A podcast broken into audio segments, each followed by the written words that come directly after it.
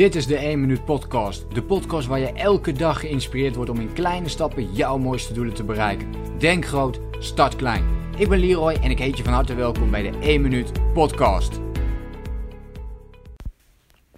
Yes, onlangs uh, ja, kreeg ik een berichtje van een, uh, uh, van een goede vriend van mij. En ja, hij zei, we hadden het eventjes over thuiswerken, wat natuurlijk met name in de tijd van corona een, uh, een heel groot ding is.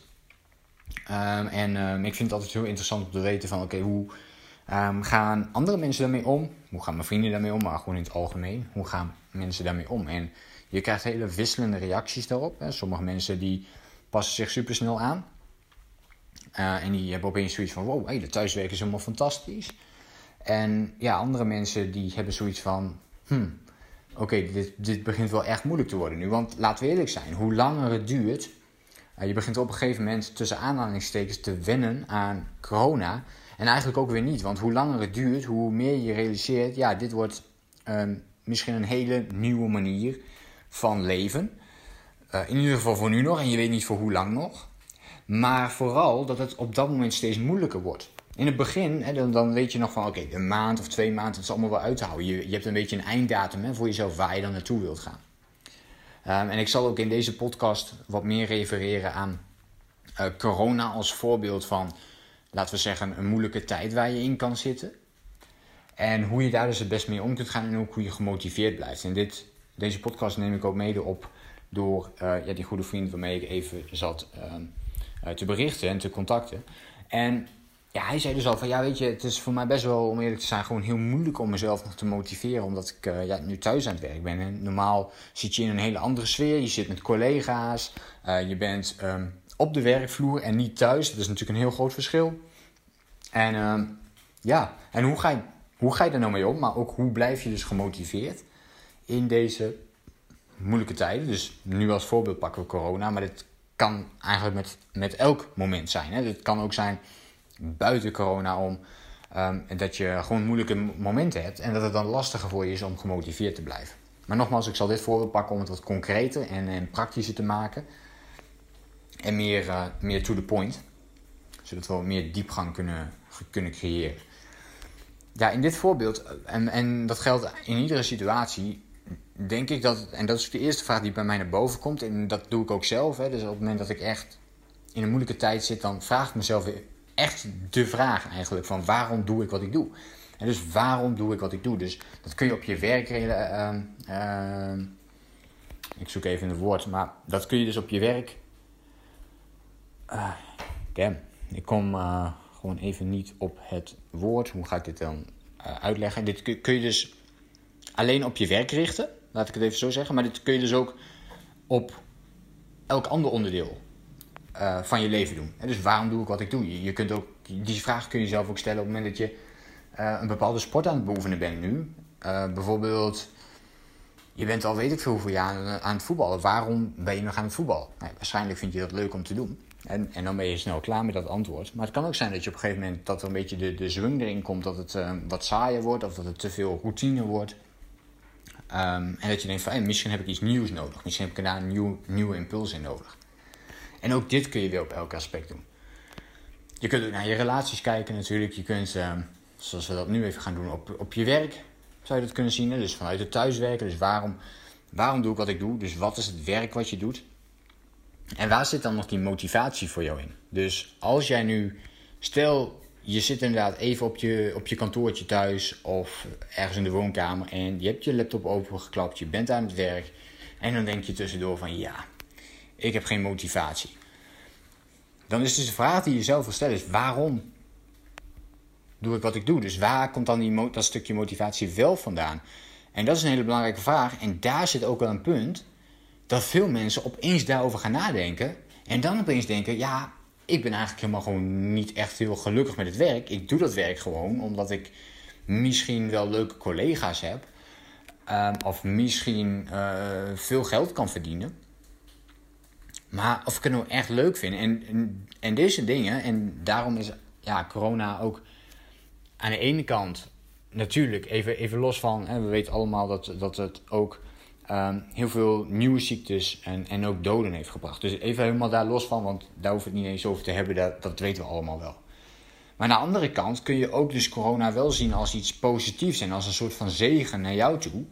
Of in ieder geval, laat ik het zo zeggen, een alert of een signaal naar jou toe van oké, het wordt tijd om eens naar, jou, naar jezelf te kijken. En jezelf te realiseren, oké, ben ik inderdaad gelukkig met wat ik allemaal nu doe. Dus ik denk dat daar een groot deel van je motivatie ook zit. En op het moment dat je dus niet gemotiveerd bent, dan ligt dat heel erg aan die waarom. Die waarom, die heb je of nog niet heel goed voor jezelf beantwoord, of je komt er voor jezelf achter dat, ja, dat als je jezelf de vraag stelt, waarom doe ik nog wat ik doe, dat dat niet echt een goed antwoord is. Of niet een gemotiveerd antwoord. En dus als je het alleen voor het geld doet en dat is bijvoorbeeld voor jou niet genoeg motivatie. Ja, of, of laten we zeggen, in het begin van jouw carrière heb je het gedaan omdat je uh, veel geld wilde verdienen. Maar nu heb je bijvoorbeeld veel geld en ja, weet je, dat maakt eigenlijk niet meer zoveel uit. Maar je doet nog steeds hetzelfde werk. Dan valt dus die motivatie weg. Nou, ik hoop dat het een beetje duidelijk is zo. Dat dat dus een heel belangrijk onderdeel is. Dus waarom, waarom doe je wat je doet? En ja, waarom doe je het werk dat je nog doet? Hè? Als we hem dus wat specifieker maken. Daar begint het mee. En, en ik denk ook dat dat gewoon het allerbelangrijkste is om te kijken. En daarna pas kun je gaan kijken, oké, hoe kan ik mezelf dan gemotiveerd houden? Nou, daar zijn natuurlijk allemaal, allemaal tooltjes of allemaal uh, tips en tricks voor die, die je daarin kunt gaan toepassen. Um, dat is niet zo heel moeilijk. Waar het om gaat is dus dat je die waarom voor jezelf duidelijk hebt. Dat je met energie uit bed staat om aan de slag te gaan. En ik denk dat een zegen kan zijn ook voor thuiswerken, is dat jij bepaalt. En dus over het algemeen bepaal jij en kun je ook laten zien van oké, kan ik nu veel productiever werken? Dat kan een mooie motivatie voor je zijn. Hè? Dus kan ik nu veel productiever werken dan dat ik anders zou doen? Kan ik ervoor gaan zorgen dat ik mezelf een doel opstel dat ik niet van bijvoorbeeld 9 tot 5 ga werken? Maar kan ik gaan proberen, omdat ik nu thuis werk, dat ik, dat ik productiever kan zijn?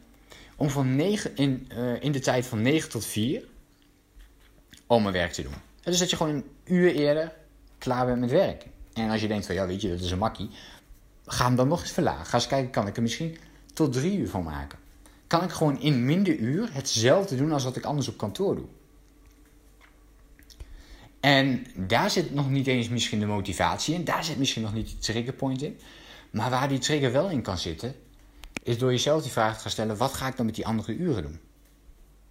En dus als jij bijvoorbeeld normaal van 9 tot 5 werkt en nu door uh, het kantoorwerk wordt het 9 tot 4 en je hebt dus van 4 tot 5 heb je een uur extra vrije tijd per dag voor jezelf gecreëerd. Dit is veel, hè? want als je het gaat doorrekenen per week, en ik ga er even vanuit dat je dan fulltime nu werkt, uh, dat is dus 5 uur per week die je aan vrije tijd extra hebt. En per maand is dit 20 uur, dat is een halve werkweek die jij kunt inzetten zoals jij die maar wil. Die je gewoon vrij bent dan. Omdat jij ervoor hebt gezorgd dat je met meer focus en meer productiviteit jouw werk kunt doen super interessant om over na te denken. En daar kan je motivatie ook in gaan zitten. Dus dat jij zegt, oké, maar wat ga ik dan met die extra uur per dag doen? Ga ik die besteden aan uh, bijvoorbeeld dat uurtje sporten waar je normaal nooit aan toe komt? Is dat een lekkere motivatie voor je? Is dat dat jij zegt van weet je om vier uur stop ik en ik, uh, nou ik weet het wel, ik ga van vier tot vijf ga ik lekker ergens een koffietentje zoeken.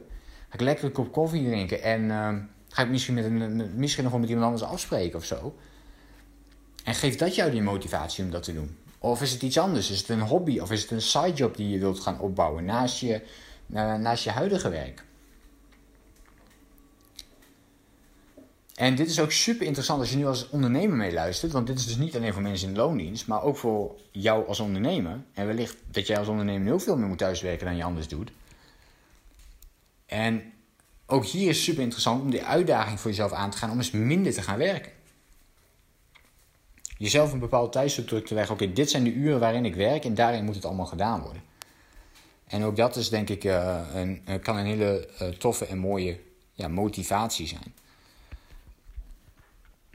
Dus ik denk dat dat een paar dingen zijn die jou gemotiveerd kunnen houden in moeilijke tijden, in dit geval in, op, op het werk gericht. Dus reflecteer voor jezelf, oké, waarom doe ik nog wat ik doe? En wat kun je dan vervolgens, kun je voor jezelf redenen verzinnen om door te blijven gaan. Dus wat is voor jou, dus waarom doe ik wat ik doe? Is dat nog wel wat, wat ik ook heel graag wil doen? Dus zijn die redenen nog aanwezig? Maar aan de andere kant dus ook van, oké, maar wat zijn nou wel mijn redenen? Waar wil ik dan naartoe? Waar wil ik over 1, 2 of misschien 5, 10 jaar Waar wil ik dan staan? Als tien jaar veel te groot is, maak er dan één jaar van. Dan maakt me allemaal niks uit. Maar ga kijken van naar de toekomst toe. Ga kijken naar de toekomst. Oké, hoe ziet mijn toekomst eruit? Als je nu in een moeilijke tijd zit, dan, dan zie je dat misschien niet zo positief. Maar stel je voor dat jij nu dingen kunt gaan doen waardoor je over een jaar op een bepaald ander niveau zit, waar je ook heel graag zou willen zijn. Hoe ziet dat er dan uit? En wat heb je nodig om daar dan weer naartoe te gaan? En dat kan best zijn als jij nu in een moeilijke tijd zit, dat je zegt van ja, ik moet veel meer dingen gaan loslaten. Maar dan is dat het doel op zich, hè? Dan is dat het doel om dat stukje dus los te laten. En bijvoorbeeld veel minder te gaan werken. Dat doel kan ook zijn dat je juist veel harder moet gaan werken. Dat antwoord ligt uh, helemaal ja, specifiek aan jouw situatie natuurlijk. Dat is, uh, um, dat is ook waarom ik bijvoorbeeld coaching doe. Ja, dat is nou eenmaal wat je één op één moet gaan doen. Dat kan ik niet in een podcast nu precies in jouw uh, straatje gieten. Dat was, was natuurlijk helemaal tof geweest. Um, dus ja, ik denk dat dat manieren zijn. Ik, ik hoop dat je hier weer iets aan hebt gehad en dat het waardevol voor je was. Um, ik ben sowieso benieuwd hoe, hoe jij met moeilijke tijden natuurlijk ook omgaat. Wat je van deze podcast vond. Dus uh, laat mij dat gerust even weten. Op een van de social media kanalen die ik heb. Je mag het overal eventjes een persoonlijk bericht over sturen. Ik vind het alleen maar uh, tof om dat uh, weer van je te horen. de laatste tijd krijg ik ook meer van dit soort berichten. Dus ik dikke duim omhoog als je dat ook al doet. Um, luister je al een naar, poosje naar deze podcast. Um, en vind je het interessant? Heb je nog geen beoordeling achtergelaten? Laat dan ook even een beoordeling achter bij een van de podcast-apps of op iTunes. Maakt niet uit waar je het doet, maar dat zou ik uh, super waarderen. Um, en laat daar dan eventueel even weten wat je ervan vond. Ik hoop jou de volgende keer weer te zien en te spreken. Heel veel succes vandaag met jouw dag. Blijf gemotiveerd. Denk groot. Start klein. Bedankt voor het luisteren. Geloof jij net als ik dat je in kleine stappen jouw mooiste doelen kunt bereiken? Abonneer je dan op mijn podcast voor meer dagelijkse tips en inspiratie. En voor alle waardevolle gratis content die ik met je deel, zou ik het super waarderen als je een podcastrecensie wilt achterlaten in iTunes of jouw podcast app, zodat we nog meer mensen kunnen inspireren. Deel de inspiratie en geef het door.